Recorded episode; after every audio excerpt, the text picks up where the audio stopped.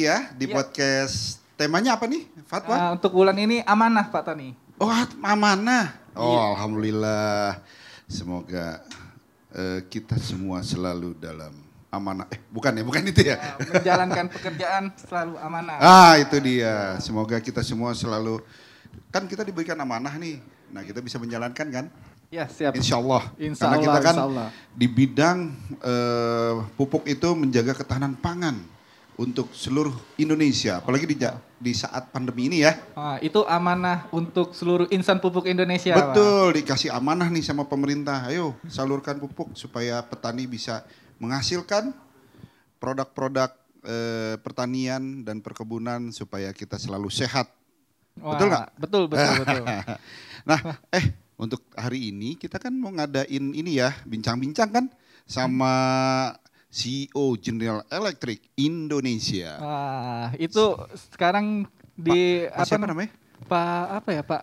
Oh ya Pak Eh. Handri Satriago. Iya itu dia, itu kan oh, legend-legend. Iya Oh, ya. Keren-keren itu. Saya baca-baca juga udah eh, 10 11 tahun ya udah jadi CEO Wah, ya. ya ampun, luar biasa ya. Tapi yang luar biasa Apa tuh? moderatornya nih Pak Tony. Oh iya, yang yang ininya nih orang yang eh, ngajak bincang-bincangnya kita kan memang kan ini CEO General Electric Indonesia kebayang 11 tahun kan? Iya Nah benar. makanya ini harus lawannya yang keren, Iya. spesial. Kalau martabak itu telurnya tuh ada tujuh tuh. Wah.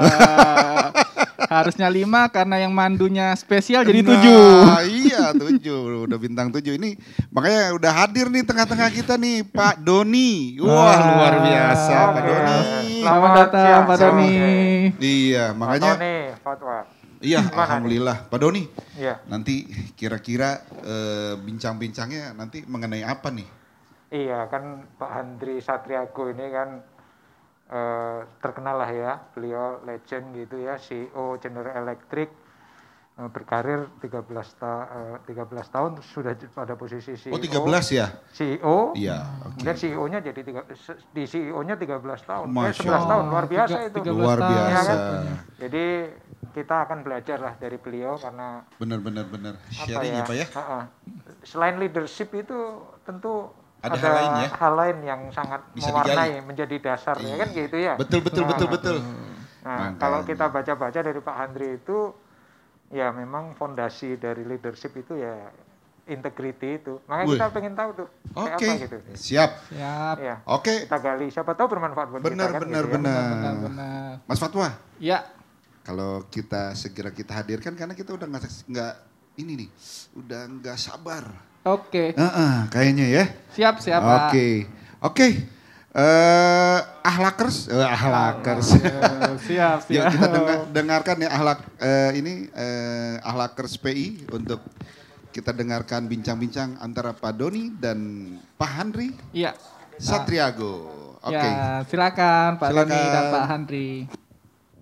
Selamat siang eh, para peserta talk show ya ini lebih tepatnya dalam format talk show di mana kita mendapat kehormatan eh, luar biasa ini Bapak Dr. Handri Satriago, CEO General Electric Indonesia yang telah berkenan untuk hadir dan insya Allah kita akan berbincang-bincang dalam waktu satu jam tentang amanah is the first chapter in the book of every leader.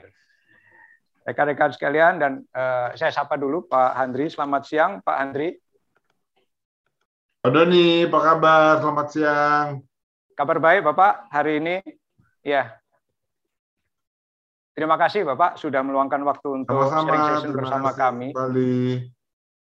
Saya memulai talk ini dengan mengutip salah satu eh, apa penilaian orang terhadap GE khususnya pada kepemimpinan Jack Welch Pak ya bahwa essential characteristic of eh, Jack Welch is simple that is integrity.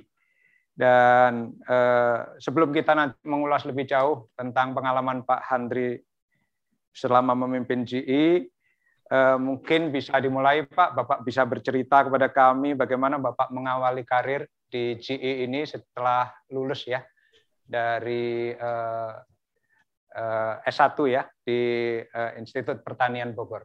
Silakan Bapak. Baik, terima kasih Pak Doni, terima kasih Pak Winardi dan para direksi yang lainnya dan teman-teman semua dari Pupuk Indonesia. Sebuah kehormatan buat saya bisa berbagi dengan teman-teman.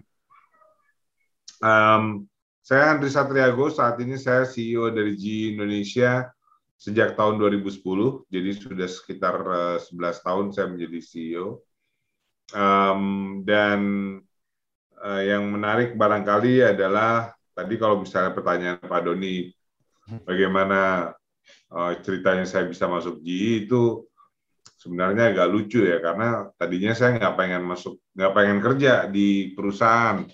Saya pengen wira swasta tadinya jadi lulus okay. dari IPB saya kerja dulu di di beberapa perusahaan lokal kemudian habis itu saya ambil MBA di IPMI dan Monash kemudian sesudah itu uh, baru saya masuk GI karena ada pencarian bakat waktu itu dari orang-orang GI datang dan mereka yang kemudian mengundang saya untuk datang ke kantor ber diwawancara sana sini sana sini. Tahun um, 97 ya Pak ya? Tahun 97, tahun 9. Tahun oh, enggak, iya iya tahun 97. Tahun 9 96 wawancaranya. Saya 97-nya Januari joinnya. Jadi um, 96 akhir Desember tuh saya diwawancara dan bolak-balik saya bilang saya nggak pengen kerja sebenarnya saya pengen usaha sendiri saya punya perusahaan gitu ya. tapi penawarannya menarik sekali bukan gaji bukan apa karena waktu itu saya di kalau masuk GE bisa dapat mobil baru gitu nah saya tuh ingat almarhum ayah saya dulu tuh selalu bilang dia kan nggak pernah punya kesempatan beli mobil baru, nggak punya uang. Jadi dia selalu bilang ini kapan ya papa bisa punya mobil baru ya? Mobil baru itu menurut definisinya beliau adalah mobil yang kalau dibeli itu joknya masih diplastikin gitu loh. Nah, jadi ketika saya dikasih tahu bahwa saya akan dapat mobil baru, langsung aja saya terima tuh, saya nggak tanya-tanya gajinya dan sebagainya. Ya, saya terima gitu. Dan hari pertama saya kerja, mobilnya saya bawa pulang dulu. Langsung saya unjukin ke bapak saya dan saya bilang, ayo kita buka plastiknya Pak. gitu.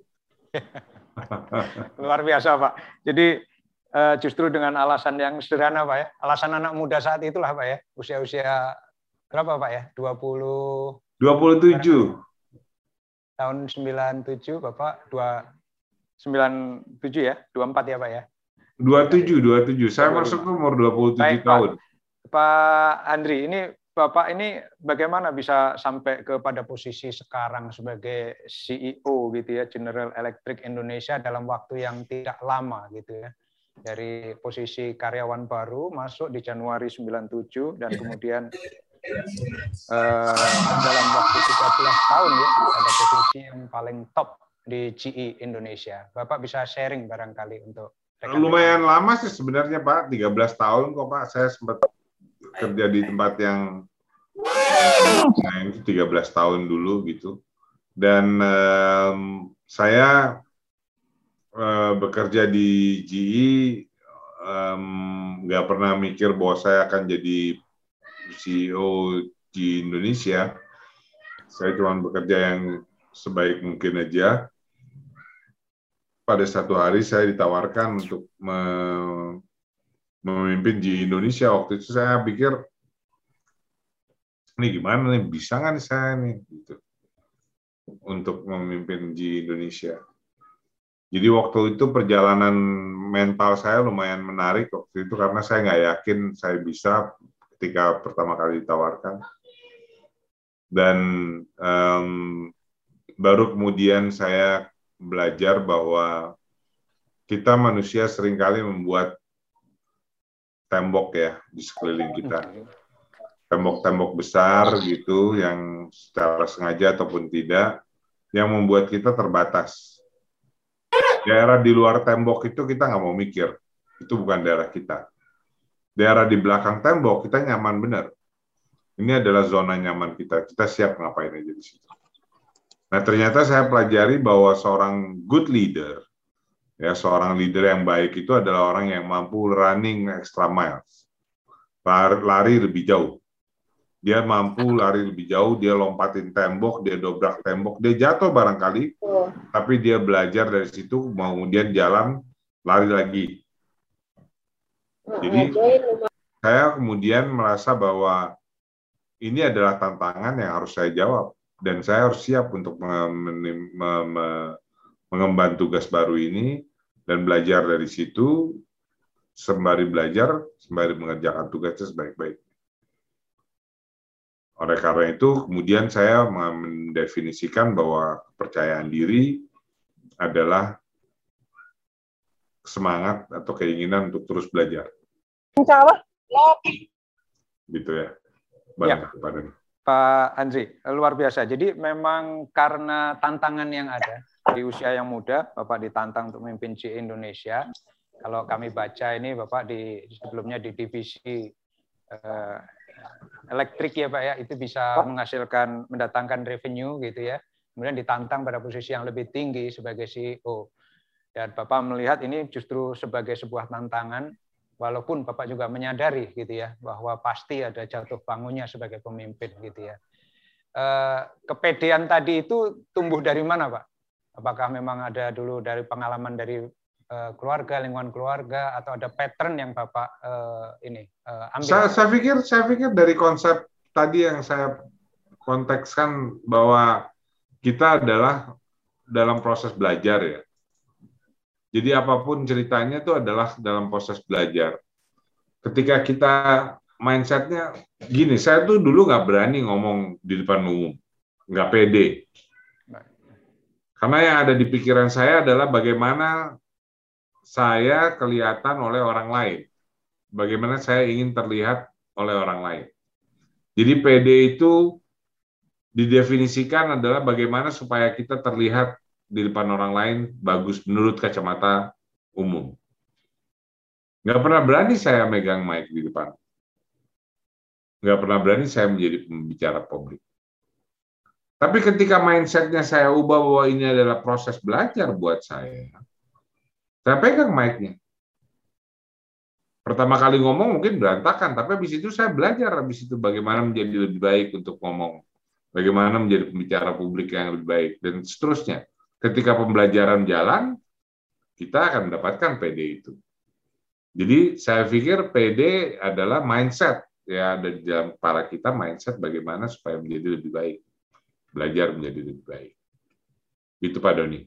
Oke. Pak, luar biasa. Jadi uh, mindset Pak ya, ini uh, populasi kami Pak, pupuk Indonesia ini sekitar 70-an milenial Pak. Jadi banyak tentunya yang harus uh, bisa mengambil ini ya, uh, poin penting dari uh, paparan pertama dari Bapak ini ya, sharing dari Bapak pertama, mindset, change your mindset gitu. Oke Pak, meskipun demikian Pak, dengan mindset yang sudah disesuaikan, intinya berani maju, berani menghadapi tantangan, tetapi eh, bagaimana Bapak melihat perjalanan Bapak sendiri? Karena kesempatan itu juga eh, ada datang kepada Bapak dan ditawarkan gitu ya. Tidak semua orang punya kemewahan itu, Pak. Gimana Bapak melihat sebuah kesempatan meskipun Menurut saya itu dari Allah ya, Allah yang mengatur ya. Kita dalam hidup kita ini semuanya kan diatur oleh Allah. Jadi ya ketika kita di diberikan kesempatan yeah. dan kita berusaha menjalankan sebaik-baiknya. Saya pikir ini yang mungkin related kepada nilai-nilai Anda di ama di akhlak ya, yeah. Ya. masalah amanah bertanggung jawab. Jadi profesional itu definisinya kalau menurut saya simple. Definisinya adalah selama gajinya kita bawa pulang, maka kita harus berikan yang terbaik. Period. That's it. Selama gajinya kita bawa pulang, kita harus berikan yang terbaik. Nggak usah ngedumel, nggak usah bilang, wah saya harusnya begini, saya harusnya begini, saya harusnya begini. Berikan dulu yang terbaik. Karena Anda bawa pulang gaji. Kalau enggak, ya Anda jangan bawa pulang. Anda protes, Anda keluar, Anda cari kerjaan lain yang sesuai dengan apa yang Anda inginkan. Jadi Anda bertanggung jawab ya. bertanggung jawab dan respect orang lain. Respect others itu juga sesuatu hal yang penting sekali dalam konsep konsep konsep amanah itu ya. Jadi dan itu pula saya mendefinisikannya dengan simpel. Jadi kalau Anda ke, ke kantor atau ketemu bos Anda, Anda akan memberikan senyum yang terbaik. Nah, berikan senyum yang sama baiknya itu kepada office boy Anda atau kepada sekuritas security Anda, satpam Anda. Maka Anda respect others, merespek orang lain. Anda akan direspek oleh orang lain jika Anda mau merespek orang lain. Dan Anda tidak akan pernah bisa direspek orang lain kalau Anda tidak mau merespek orang lain. Gitu. Jadi um, apa uh, bertanggung jawab itu adalah suatu hal yang penting dalam perjalanan karir saya. Saya menjadi profesional di situ. Dan profesional itu adalah, you know, selama gajinya dibawa pulang, you have to give the best. Begitu Pak Doni. Baik Pak, uh, sebelum saya lanjut, eh, rekan-rekan atau peserta talkshow jika ada yang ingin bertanya silahkan diketik di chat box ya di Zoom. Nanti akan dibacakan oleh saya bacakan di sini. Uh, Pak Handri, ya. saya lanjutkan Pak. Jadi uh, pertama adalah bagaimana kita melihat uh, dalam bekerja itu merupakan amanah ya. Selama gaji kita kita bawa pulang, Anda just do your best gitu ya. Dan kedua adalah respect others apakah poin-poin seperti ini Pak, value-value seperti ini nih terbentuk dari uh, eh, GE atau memang Bapak dari dulu ya, dari lingkungan keluarga dan seterusnya ini memang sudah ditanamkan value-value ini?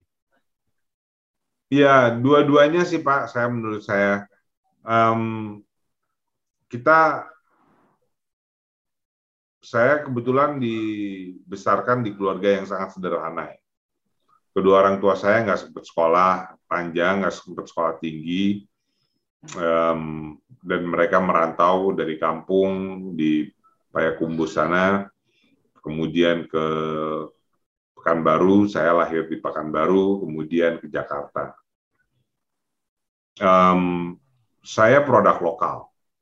Saya produk lokal, sekolah di dalam negeri semua, um, MBA saya dua degree tapi sekolahnya di Indonesia di IPMI. Um, kemudian S3 saya dari UI, S1 saya dari PB, S2 saya dari IPMI, S3 saya dari UI. Kemudian selama kerja saya pernah ditempatkan di luar negeri, tapi selalu balik ke Indonesia dan kebanyakan waktu saya dihabiskan di Indonesia dan bekerja bersama dengan orang-orang Indonesia dan customer saya adalah customer orang Indonesia. Jadi saya produk lokal, saya produk dalam negeri. nilai-nilai um, perusahaan memang kebetulan cocok dengan nilai-nilai yang saya punya, yang diajarkan ke saya. Misalnya respect others tadi. Kemudian kita bicara bertanggung jawab, kemudian kita bicara mengenai etika, ya bagaimana beretika yang bekerja dengan etika yang baik gitu. Um, ethics itu adalah sesuatu hal yang sangat penting yang harus dimiliki oleh seorang pegawai dalam bekerja. Um, dan dan itu backbone-nya adalah integritas. Ya kan tulang punggungnya adalah integritas integritas ini kalau saya menerjemahkannya juga simpel juga pak ya. kita bicara mengenai do the right thing yang pertama lakukan hal yang benar. Jadi niatnya itu memang benar. Niatnya nggak pengen nyolong, niatnya nggak pengen ngambil orang hak orang lain, niatnya nggak pengen uh, ngabisin waktu, niatnya niatnya benar gitu, niatnya do the right things. Ya. Lalu yang kedua do the things right. Lakukan segala sesuatu dengan baik, dengan prosedur yang benar.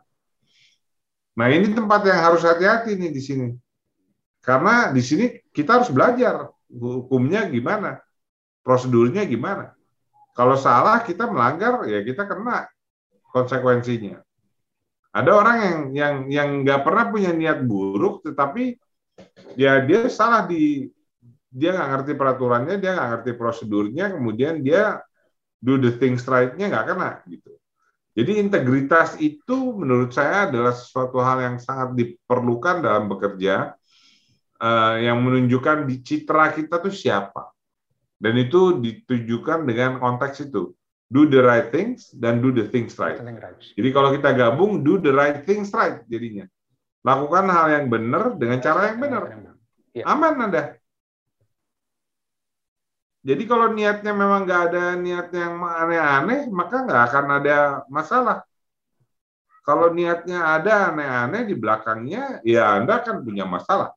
Akan selalu cari jalan gitu. Ya peraturan itu kan selalu dibuat katanya untuk di, dicari bagaimana dilanggar.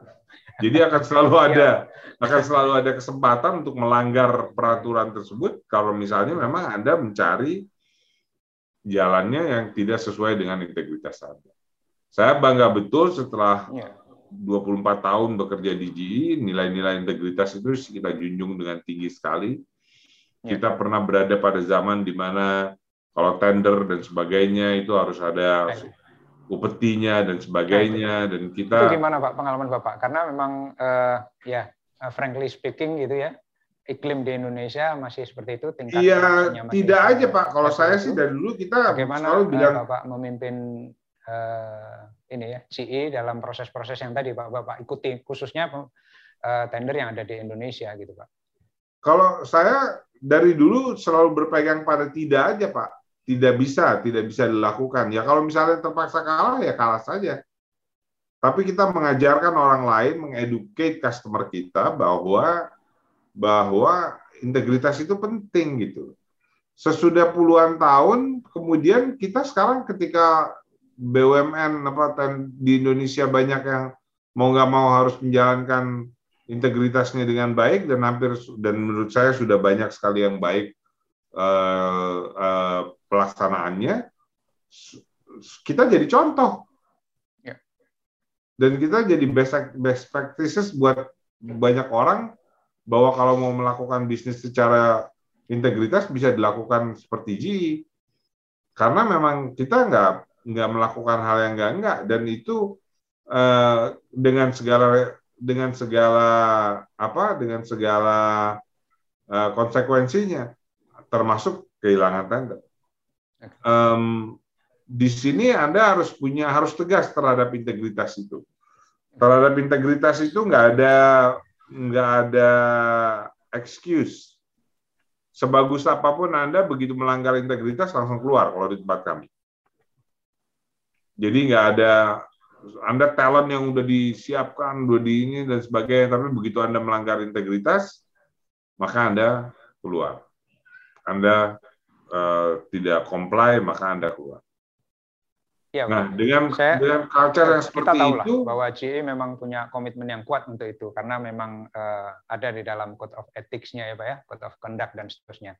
Namun di luar itu Pak, beyond code of ethics dan code of conduct gitu. Bagaimana sebetulnya karyawan GE ada berapa Pak? Kan uh, Bapak juga nggak setiap hari ketemu sama mereka gitu ya, di lapangan terutama.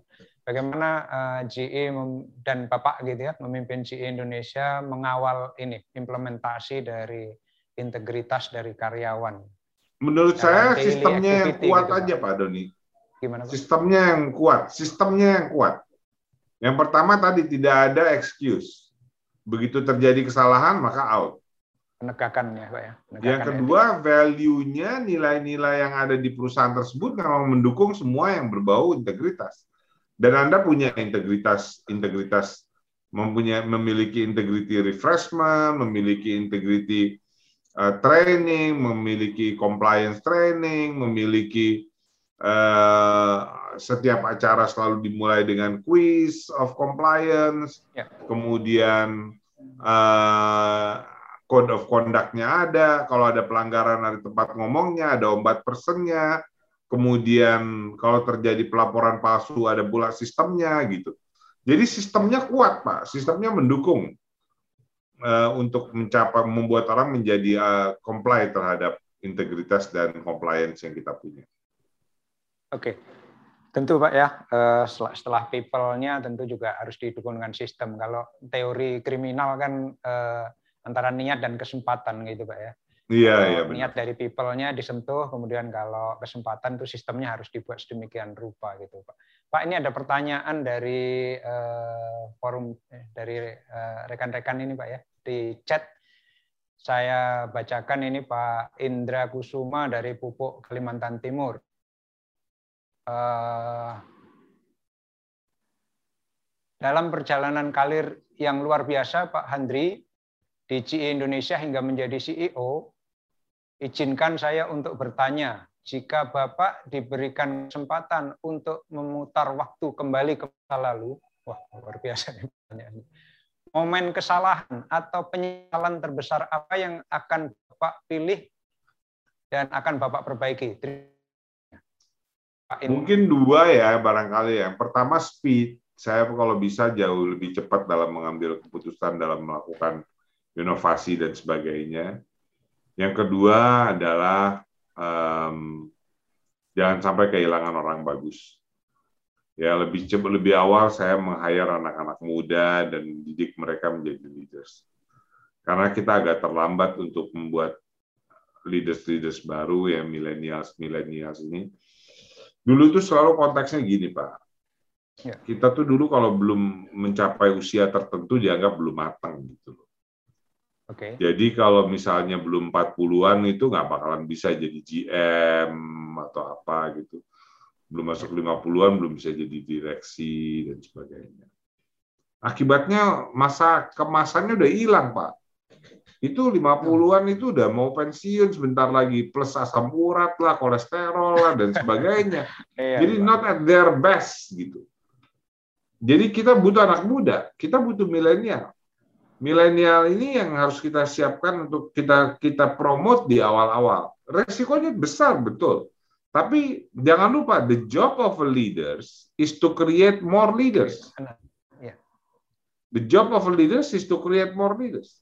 Jadi ketika ketika leaders baru, ketika kita menjadi seorang leaders, maka orang-orang yang report ke kita itu kita seleksi sedemikian rupa, kita bina mereka, kita tumbuhkan mereka, dan begitu kesempatannya siap, promote mereka secepatnya. Saya sekarang punya manajer umur usia 20-an. Dan mereka banyak bikin salah sekali. Tapi ya itu, bosnya dia punya tanggung jawab untuk mendidik dia secara langsung dengan coaching, dengan apa, dan sebagainya. Jadi kalau bisa saya akan menjadi lebih cepat untuk untuk uh, meng-hire dan mempromot anak-anak muda supaya mereka lebih uh, cepat untuk menjadi leaders gitu. Hmm. Nah, sering kali ada ada muda, ada pertanyaan begini, Pak, kami ini punya yang, yang masih muda mau jadi manajer sebelum 30 ke kami. Ini bocor ini, bocor.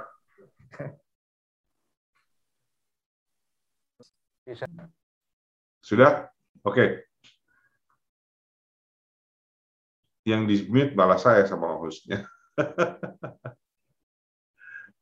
Jadi um, balik lagi ke pembicaraan tadi,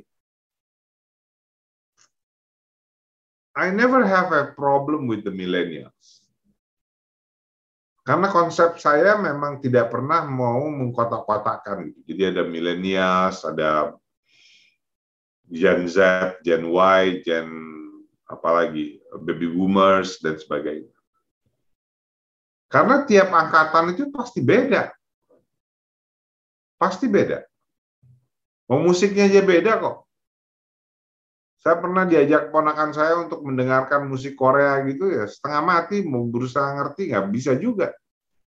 Karena musik saya adalah musik yang lahir tahun tahun 69 70-an begitu masih Led Zeppelin, kemudian hmm, apa The Police dan sebagainya. Mereka suruh dengerin dipaksa untuk mendengarkan musik kita belum tentu mau juga. Jadi ya, karena memang apa? berbeda, kita harus bisa siap menerima perbedaan.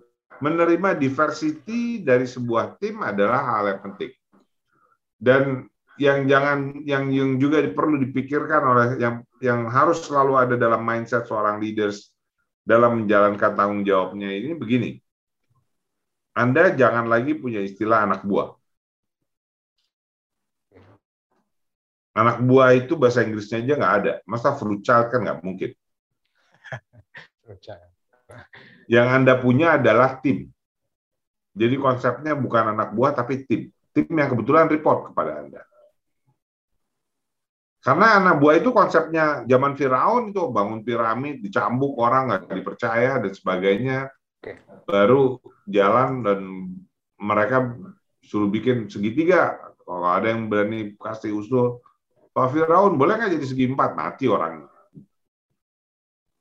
Nah, padahal kita butuh orang-orang yang mendapat memberikan ide, memberikan feedback, memberikan uh, input dan untuk itu mereka harus dilatih supaya ngomong. Nah, mereka adalah tim. Tim yang baik itu adalah tim yang yang kita yang bekerja bersama kita. Oleh karena itu kita bertanggung jawab juga untuk membuat mereka menjadi lebih baik. Oleh karena itu selalu saya bilang the job of leader, pekerjaan seorang leader adalah to create more leaders, menghasilkan pemimpin-pemimpin baru. Gitu.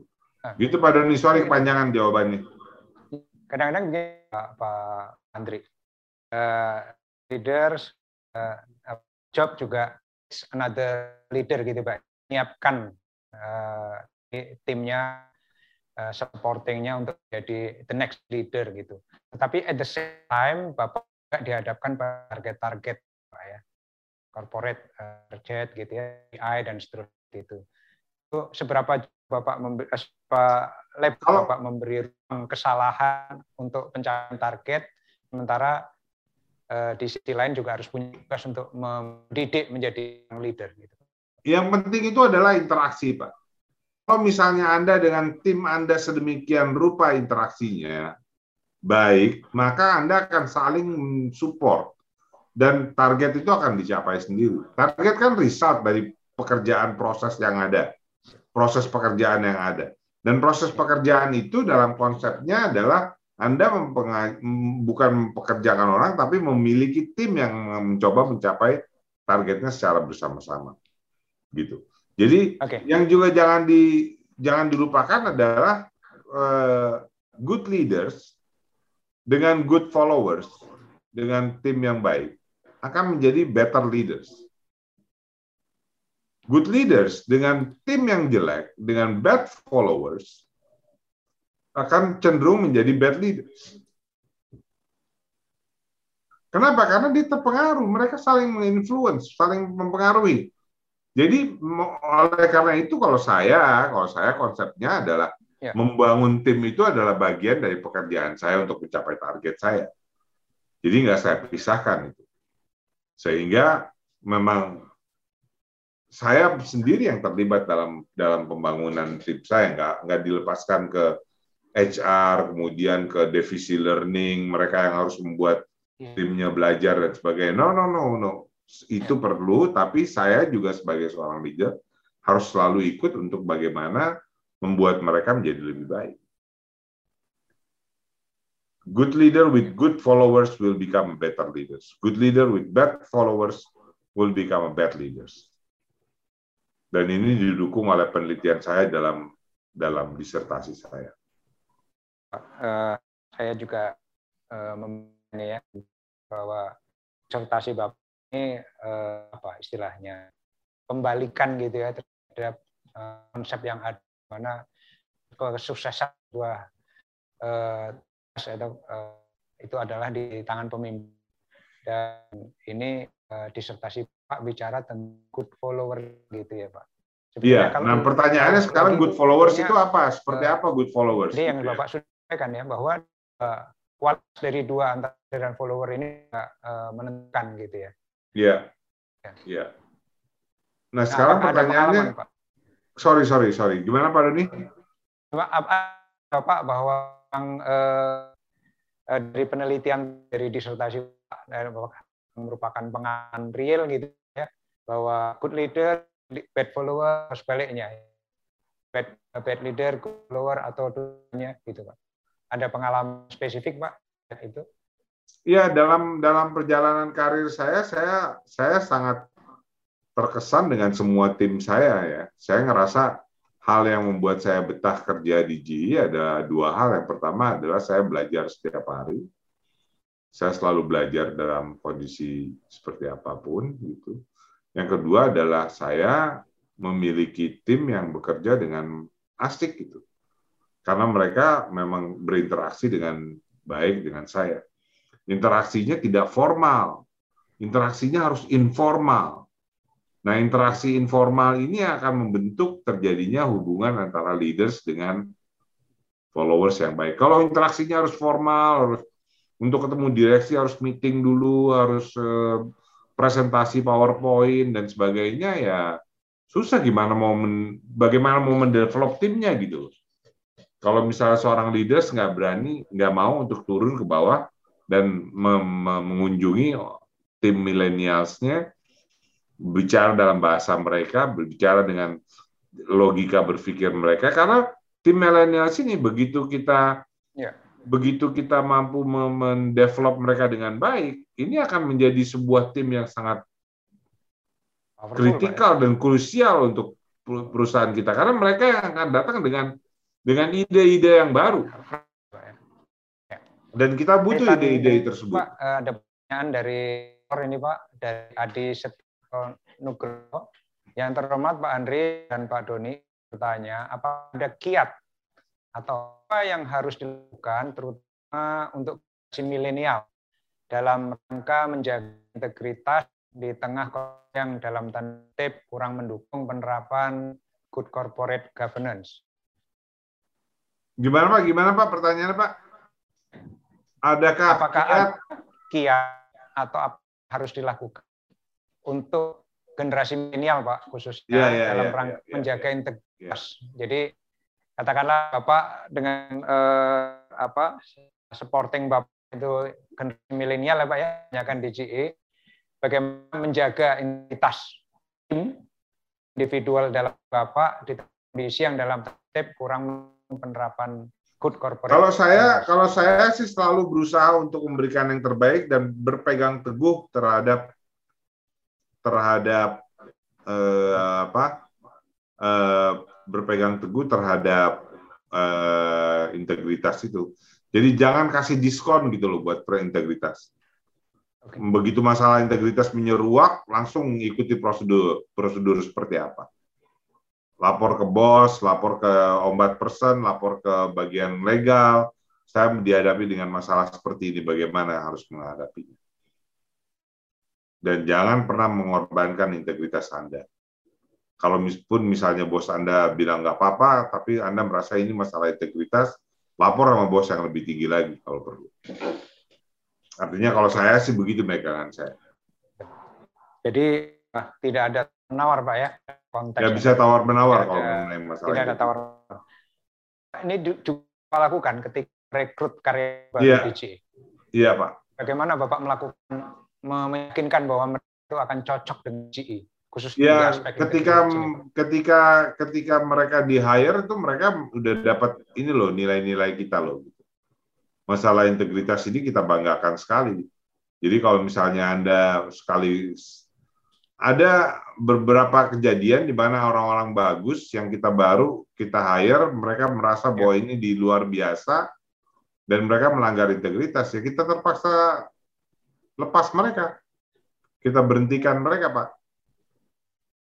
Dan itu menjadi pelajaran bagi orang lain yang bagi tim yang lainnya juga. Oke, kaitan dengan yang tadi Pak, ada tawar menawar kalau integritas, karena itu juga menjaga marah ya organisasi atau perusahaan dan juga eh, bisnis sendiri ya Pak ya.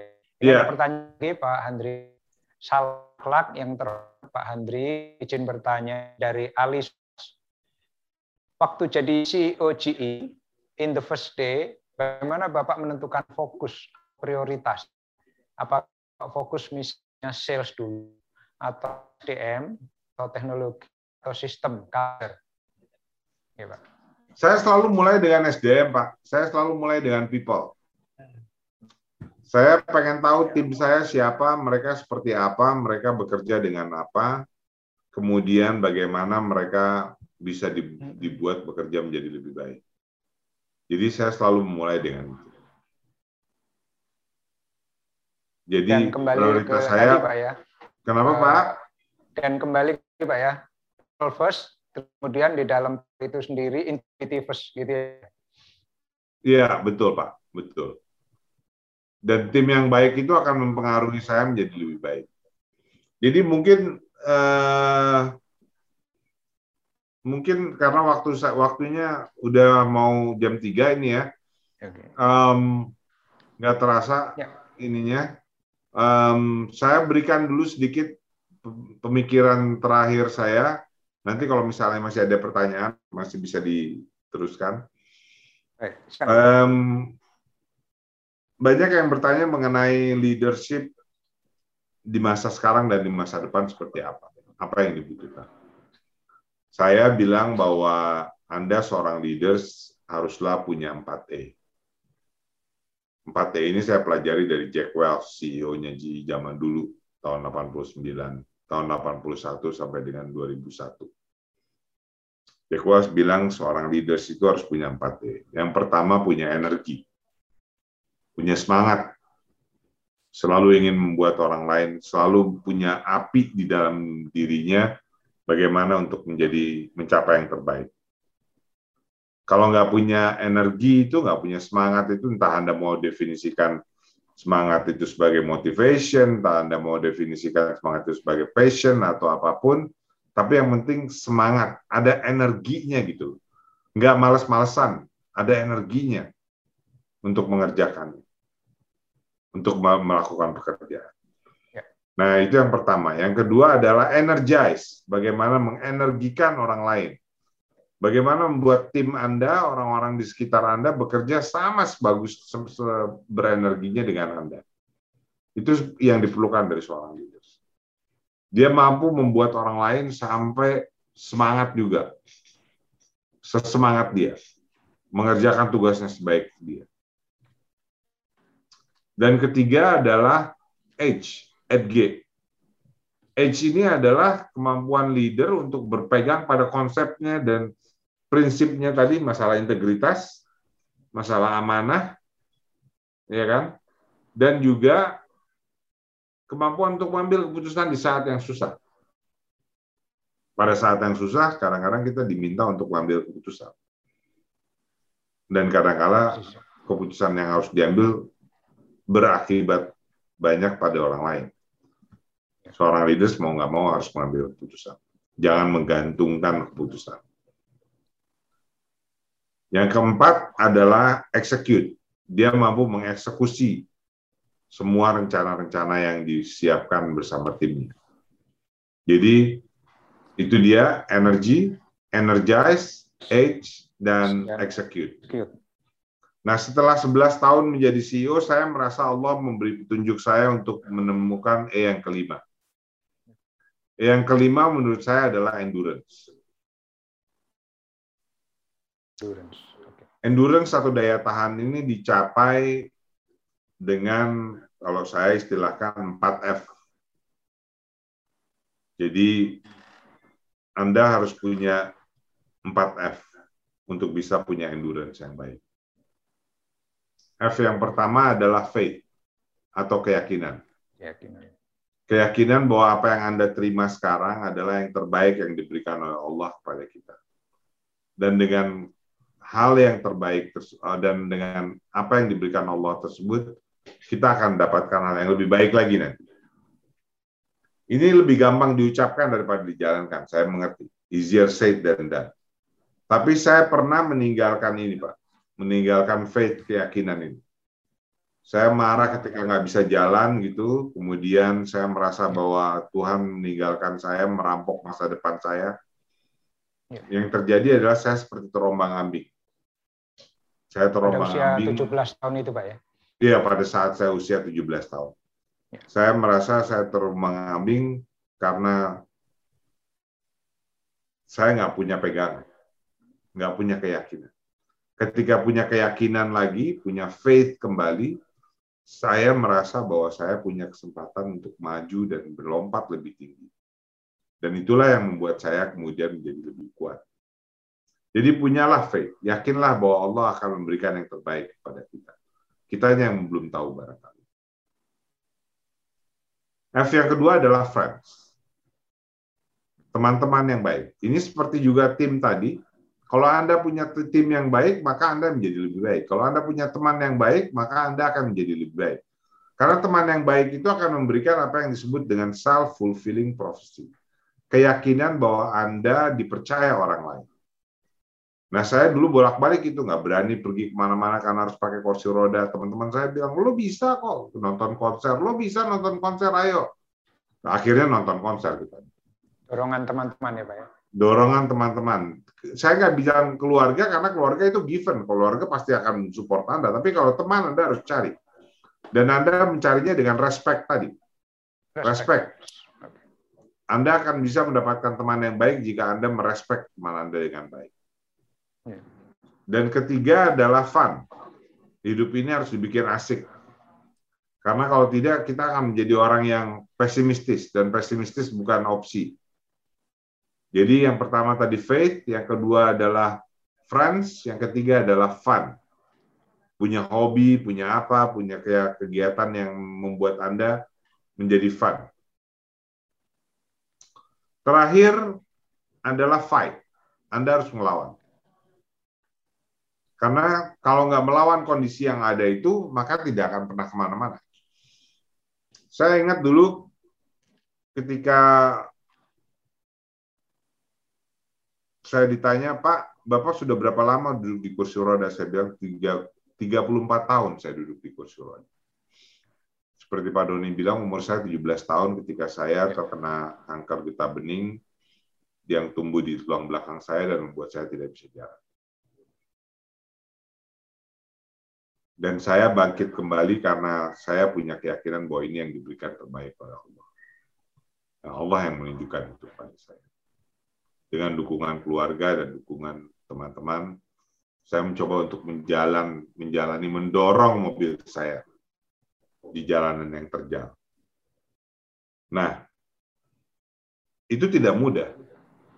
Saya ingat ketika pertama kali masuk kampus, saya lulus tahun 88. Kuliah tahun 89, jadi cuti satu tahun. Ketika pertama kali masuk ke kampus, yang saya hadapi adalah papan tulisan mahasiswa tingkat pertama praktikum di lantai 4 saya pikir gimana caranya saya bisa ke lantai 4 ini. Ke lantai 2 aja belum tentu bisa. Tapi orang yang mengantar saya waktu itu bilang, Pak, udah pegang aja, pundak kita ntar kita angkat ke atas. Saya bilang, nggak mungkin kalian bisa angkat ke atas. Saya ini berat. Gitu. Pegang aja Pak, ntar juga banyak yang bantuin kok.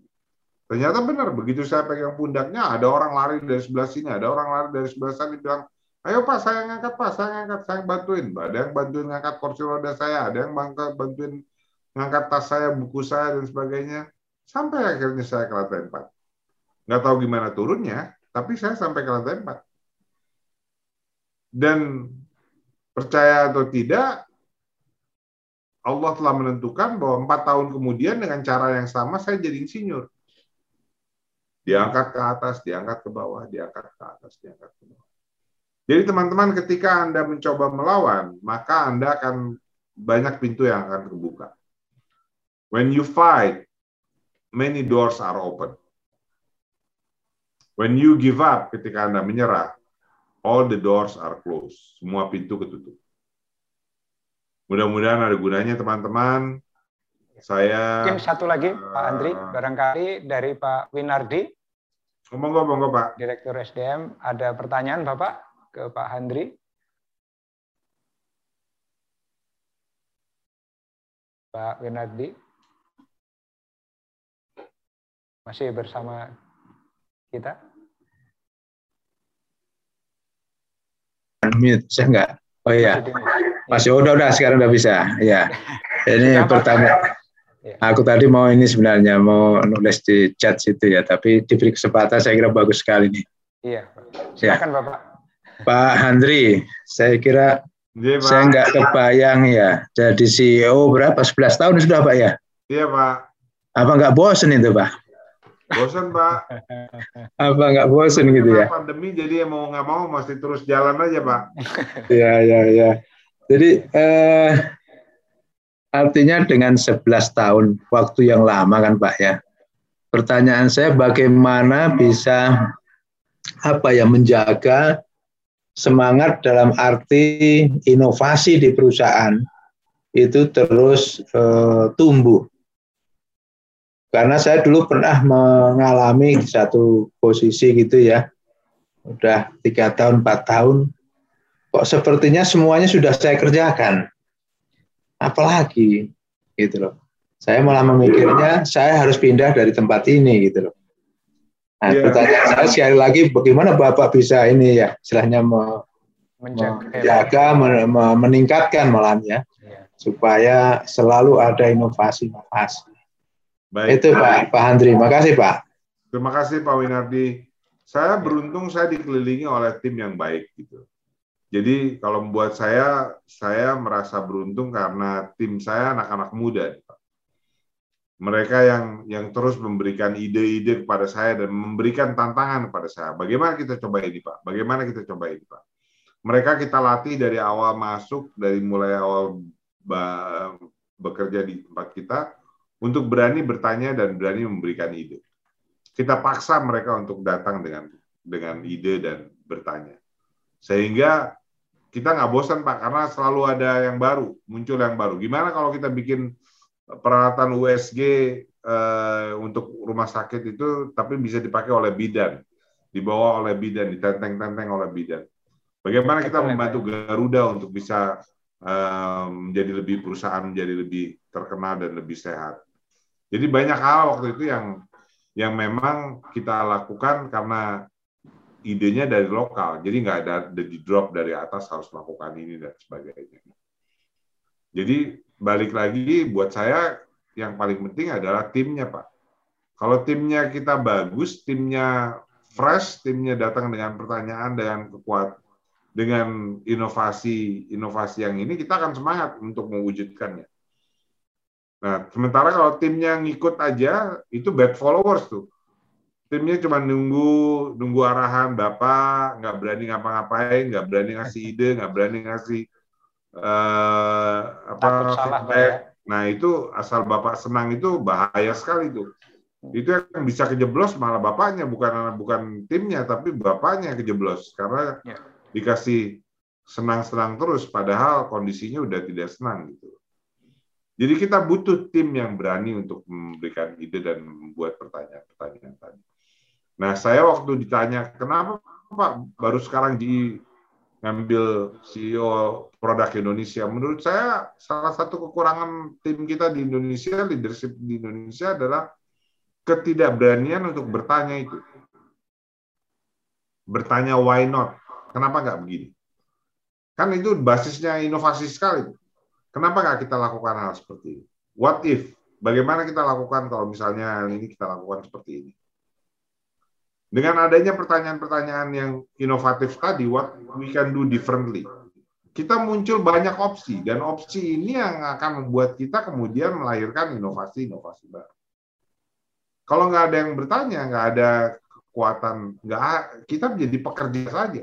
We are doers, we never become leaders. Karena leaders itu datang dengan input, datang dengan feedback, datang dengan ide. Itu Pak kalau menurut saya Pak, mudah-mudahan ada gunanya Pak. Ya. ya. Eh, terima kasih Pak Winadi, Pak eh, Handi juga. Jadi saya kira kita masuk di uh, akhir dari uh, talk show kita dan saya kira cukup jelas message yang diberikan disampaikan oleh Pak Handri bahwa seorang pemimpin harus memiliki 4 I, energi, energize, edge, execute, dan kemudian juga yang terakhir dari beliau langsung adalah endurance. Dan ketika pemimpin uh, menjalankan itu memiliki faith, 4 F ya, faith, uh, friends, fun, and fight. Ya, bagaimana kita fight. Saya kira uh, sebelum saya kembalikan kepada MC, eh, saya ingin mengutip Pak ya kepemimpinan uh, ini dari Bung Hatta yang berkaitan dengan tema kita kali ini. Kurang cerdas itu dapat diperbaiki dengan belajar. Ini fungsi learning tentu saja. Kurang cakap dapat dihilangkan dengan pengalaman. Ini fungsi experience ya, tour of duty dan seterusnya. Dan kepercayaan trust dari seorang leader yang diberikan kepada karyawan, namun kalau tidak jujur ini yang sulit diperbaiki. Tentu ini bisa dicari dari sejak awal Pak ya, ketika rekrut bagaimana kita bisa memastikan bahwa kita mendapatkan pekerja yang tidak hanya pintar gitu ya, unggul tapi juga eh, punya eh, integritas yang baik. Demikian bincang-bincang kita dengan Bapak Handri Satriago, CEO General Electric Indonesia. Terima kasih Bapak, terima kasih banyak. Terima kasih Pak Doni. bagi kita. Doni, terima kasih. Bapak bersedia berbagi insight eh, baik dari pengalaman dan perjalanan karir Bapak. Semoga bermanfaat dan tentu salam sehat Bapak seterusnya. Dan mohon maaf apabila kekurangan selama saya menjadi eh, moderator. Terima kasih. Assalamualaikum warahmatullahi wabarakatuh. Luar biasa ya. Wah, ba Wah. banyak sekali uh, masukan-masukan Masukan dari Pak insight. Handri Satriago ya. Iya, heeh. Benar kan? Gak salah kan kita didampingi eh, apa namanya Pak Doni ini. Mm-mm. Ya makanya. Jadi orang hebat ketemu orang hebat ya kayak gitu deh. Iya. Makasih loh Pak. Udah jadi kita dapat Bincang-bincangnya mengalir gitu ya. Iya mengalir dan Ah. digalinya luar biasa jadi benar-benar apa menginternalisasi ba- bagi insan pupuk Indonesia. Iya, banyak sekali ya. Man- Grup. Mm-mm. Betul. Gimana tadi eh, perasaannya gimana Pak? Waduh, awalnya kan kita grogi juga ya. Wah, Masa seorang ketemu Doni dengan CEO yang luar biasa ini, Wih. beliau Pak Handri. Tapi memang kemudian eh, apa yang disampaikan beliau itu memang tentunya sangat bermanfaat ya buat kita. Ya. Iya betul. Contoh, untuk menjadi pemimpin itu harus punya energi. Betul. Nah kalau lihat kita lihat beliau, beliau kan 17 tahun kena cancer gitu ya, getah bening, sampai kemudian duduk di kursi roda, Iya. pulih ya. Iya kan? benar inspiratif banget tadi ya Pak ya. Inspiratif orangnya. Iya, saya Iya. ingat tadi writing things right. Wah, Ya, luar doing the right thing dan think, Doing. Oh, Ya. Oke, siap siap. think right. Ya. Luar biasa tapi memang itu adalah contoh seorang pemimpin yang 13 tahun ya memimpin se- CEO eh inilah apa namanya eh, dari General Electric Indonesia luar biasa Iya. kan dan kita datangkan Pak Doni mudah-mudahan segera jadi direksi nih Amin, amin, dan kita amin. nanti jadi pemimpin berikutnya siap. setelah Pak Doni mas Kawal, kawal terus Pak Tony. Hai, luar Luar biasa. biasa. Karena memang penting begini. betul Seorang leader tadi yang Pak Handri pesan, Persis. seorang leader itu tugas utamanya justru meng-create another leader. ah Jadi dia harus menyiapkan suksesornya, Oh, kan gitu. oke, benar-benar Pak. Siap, Itu siap. Pak. Itu kuncinya. Setuju kan? Pak. Setuju Kunci, kan? Pak. Oh, Oke. Kunci. Siap. Makasih banyak, Pak Doni. Ya, kasih, Pak mudah-mudahan acaranya bisa bermanfaat ya tadi Iya. ya. Bisa kita gali dan bisa tentunya kita terapkan. Masya Allah. Luar Mudah-mudahan biasa, luar biasa. ini menjadi amal ibadah buat Pak Doni, Pak Amin. Amin. Setiago, dan buat kawan-kawan semua. Supa- Supaya Pupuk Indonesia eh, Group bisa lebih kompak, bisa lebih Amin. Iya. berakhlak. Amin. Ya. Itu. Makasih banyak. Tentu gitu. Ya, Eh, atas eh, ininya Pak Doni, makasih banyak. Sama-sama. Mas Fatwa, Pak Tony, thank you ya. Fatwa. ya makasih Yuk, Pak Tony, thank you. Pak. Doni. Jangan lupa ya, Ya. Sukses.